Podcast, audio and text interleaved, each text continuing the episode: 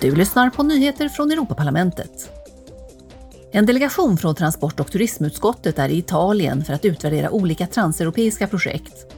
Delegationen besöker Genua som är en av Europas viktigaste medelhavshamnar och turiststaden Florens.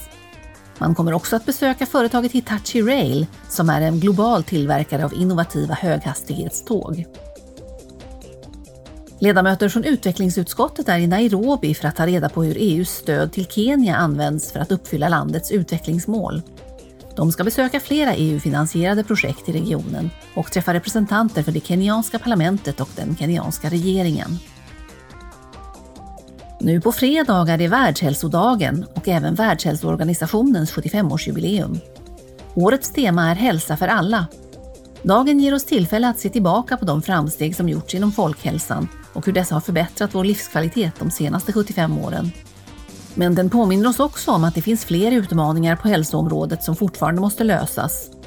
EUs folkhälsopolitik har som mål att skydda och förbättra invånarnas hälsa, stödja moderniseringen av hälsoinfrastrukturen och öka effektiviteten i de europeiska hälso och sjukvårdssystemen.